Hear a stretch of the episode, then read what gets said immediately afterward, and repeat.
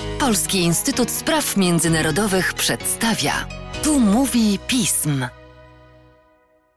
Tu mówi pism przy mikrofonie Mateusz Józwiak, a wraz ze mną Łukasz Maślanka, analityk oraz ekspert Polskiego Instytutu Spraw Międzynarodowych do spraw Francji. Cześć Łukaszu, dzień dobry Państwu. Cześć.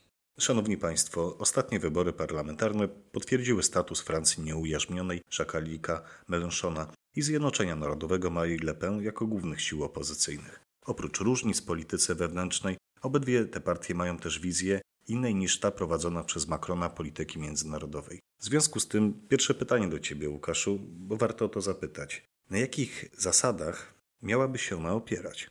Są to partie, które bardzo wiele różni. Znaczy, z jednej strony Francja nieujarzmiona Mélenchona jest to partia skrajnie lewicowa, domagająca się takiej polityki redystrybucji, mm, zdecydowanej walki z rasizmem, y, czy z tym, co jest postrzegane jako rasizm, y, łagodnej, permisywnej polityki migracyjnej. Na antypodach tego mamy y, partię Marine Le Pen, która domaga się czegoś wręcz przeciwnego, czyli ograniczenia imigracji, większego szacunku dla tradycyjnej kultury francuskiej itd. Tak Natomiast jest coś, co te dwie partie, które łącznie w tej chwili uliczą już w Zgromadzeniu Narodowym powyżej 150 deputowanych, podobne podejście do polityki zagranicznej, to znaczy przede wszystkim głęboka niechęć do Stanów Zjednoczonych, do tego, co jest postrzegane przez nich jako dominacja Stanów Zjednoczonych w obecnym porządku międzynarodowym i przeświadczenie, że z tego kryzysu, kryzysu porządku międzynarodowego, z którym mamy obecnie do czynienia, Francja powinna wyjść jako państwo prowadzące bardziej niezależną politykę. A po to, żeby prowadzić tę bardziej niezależną politykę, Francja musi szukać kontaktów z innymi państwami, w tym z głównymi rywalami Stanów Zjednoczonych. I tutaj nacisk na Rosję kładzie przede wszystkim Marine Le Pen i Partia Zjednoczenie e, Narodowe i konieczność poprawy stosunków z Rosją, niezależnie od tego, co Rosja robi, uzasadnia się tym, że jeżeli nie dojdzie do poprawy stosunków e, Francji czy innych państw zachodnich z Rosją, to Rosja sprzymierzy się z Chinami.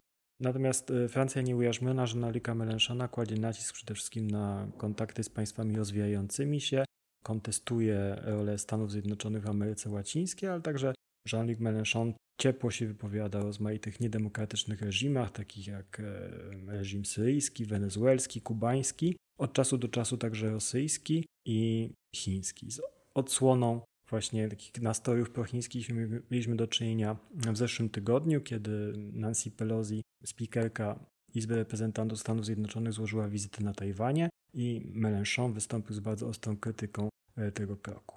W wypadku Marie Le Pen można akurat e, stwierdzić, że jej pobłażliwość do dyktatur jest jako tako zrozumiała. Jest wszak oskarżana o tendencje autorytarne. Ale dobrze, że poruszyłeś kwestię związaną z liderem francuskiej lewicy, Mélenchonem, który ma wiele ciepłych słów w stosunku do niedemokratycznych reżimów. I tu pytanie, dlaczego? To jest rzeczywiście ciekawe pytanie, ponieważ elektorat Mélenchona powinien być bardzo wrażliwy na punkcie praw człowieka.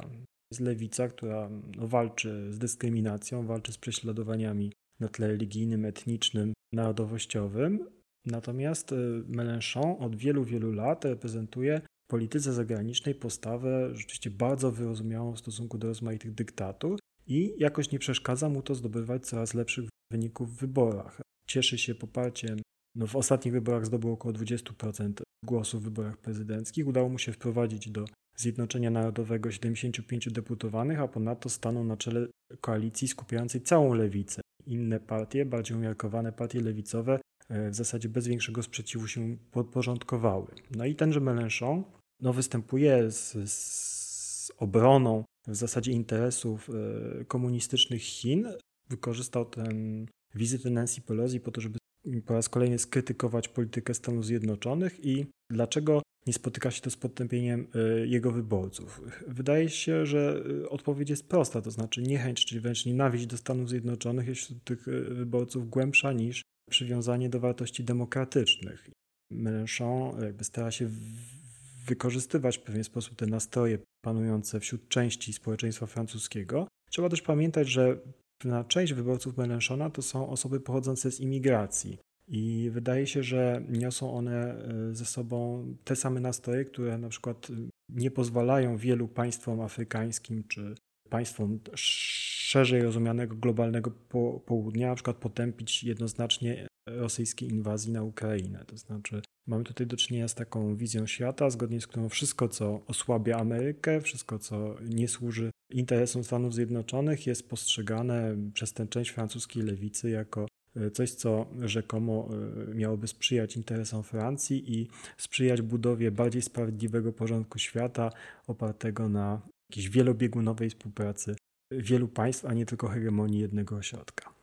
No cóż, chyba pora na ostatnie pytanie w naszym dzisiejszym podcaście. E, Łukaszu, francuski parlament głosował ostatnio w sprawie członkostwa Szwecji i Finlandii e, w Sojuszu Północnoatlantyckim. Tak jak mówiłeś o tym e, budowaniu wielobiegunowego świata, tak, w związku z tym rzuca się bardzo istotna kwestia, a mianowicie tego, jak głosowały główne partie opozycyjne partia Marine Le Pen wstrzymała się w tej sprawie od głosu. Wcześniej Marine Le Pen mówiła, że wstąpienie Szwecji i Finlandii e, do NATO nie jest czymś, co przybliża nas do pokoju, tylko nas od, od niego oddala, czyli w jakiś sposób e, kolportowała tę narrację prorosyjską. Natomiast najbardziej radykalne stanowisko zajęła właśnie Francja nieujarzmiona Mélenchona i Partia Komunistyczna, które głosowały przeciwko wstąpieniu Szwecji i Finlandii do NATO. Natomiast reszta partii parlamentarnych zagłosowała e, za, czyli zarówno większość prezydencka Emmanuela Macrona skupiona wokół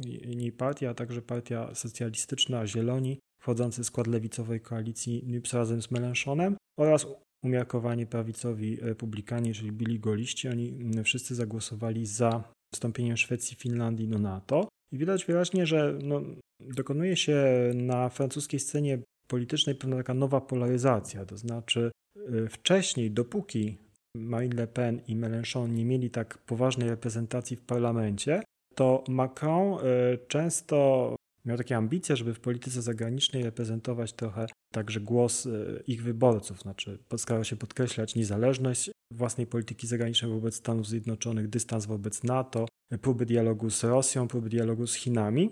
Od kilku miesięcy pewne akcenty zostały jednak przestawione, to znaczy im bardziej hałaśliwie prorosyjska, prochińska jest skrajnie prawicowa i skrajnie lewicowa opozycja, no tym bardziej umiarkowanie, jakby wbrew temu, co reprezentował przez ostatnie 5 lat, e, zachowuje się Macron. Być może też pewien dobry wpływ miała zmiana na stanowisku ministra spraw zagranicznych. Widać, że nowa minister spraw zagranicznych Katrin Kolona e, rozumie powagę sytuacji spowodowaną rosyjską agresją i coraz bardziej daleko posuniętą asertywnością, nazwijmy tak delikatnie, Chin w obszarze Indo-Pacyfiku i ta polityka francuska od kilku miesięcy jest jednak bardziej realistyczna w stosunku do tych dużych mocarstw autorytarnych czy wręcz totalitarnych niż to było wcześniej.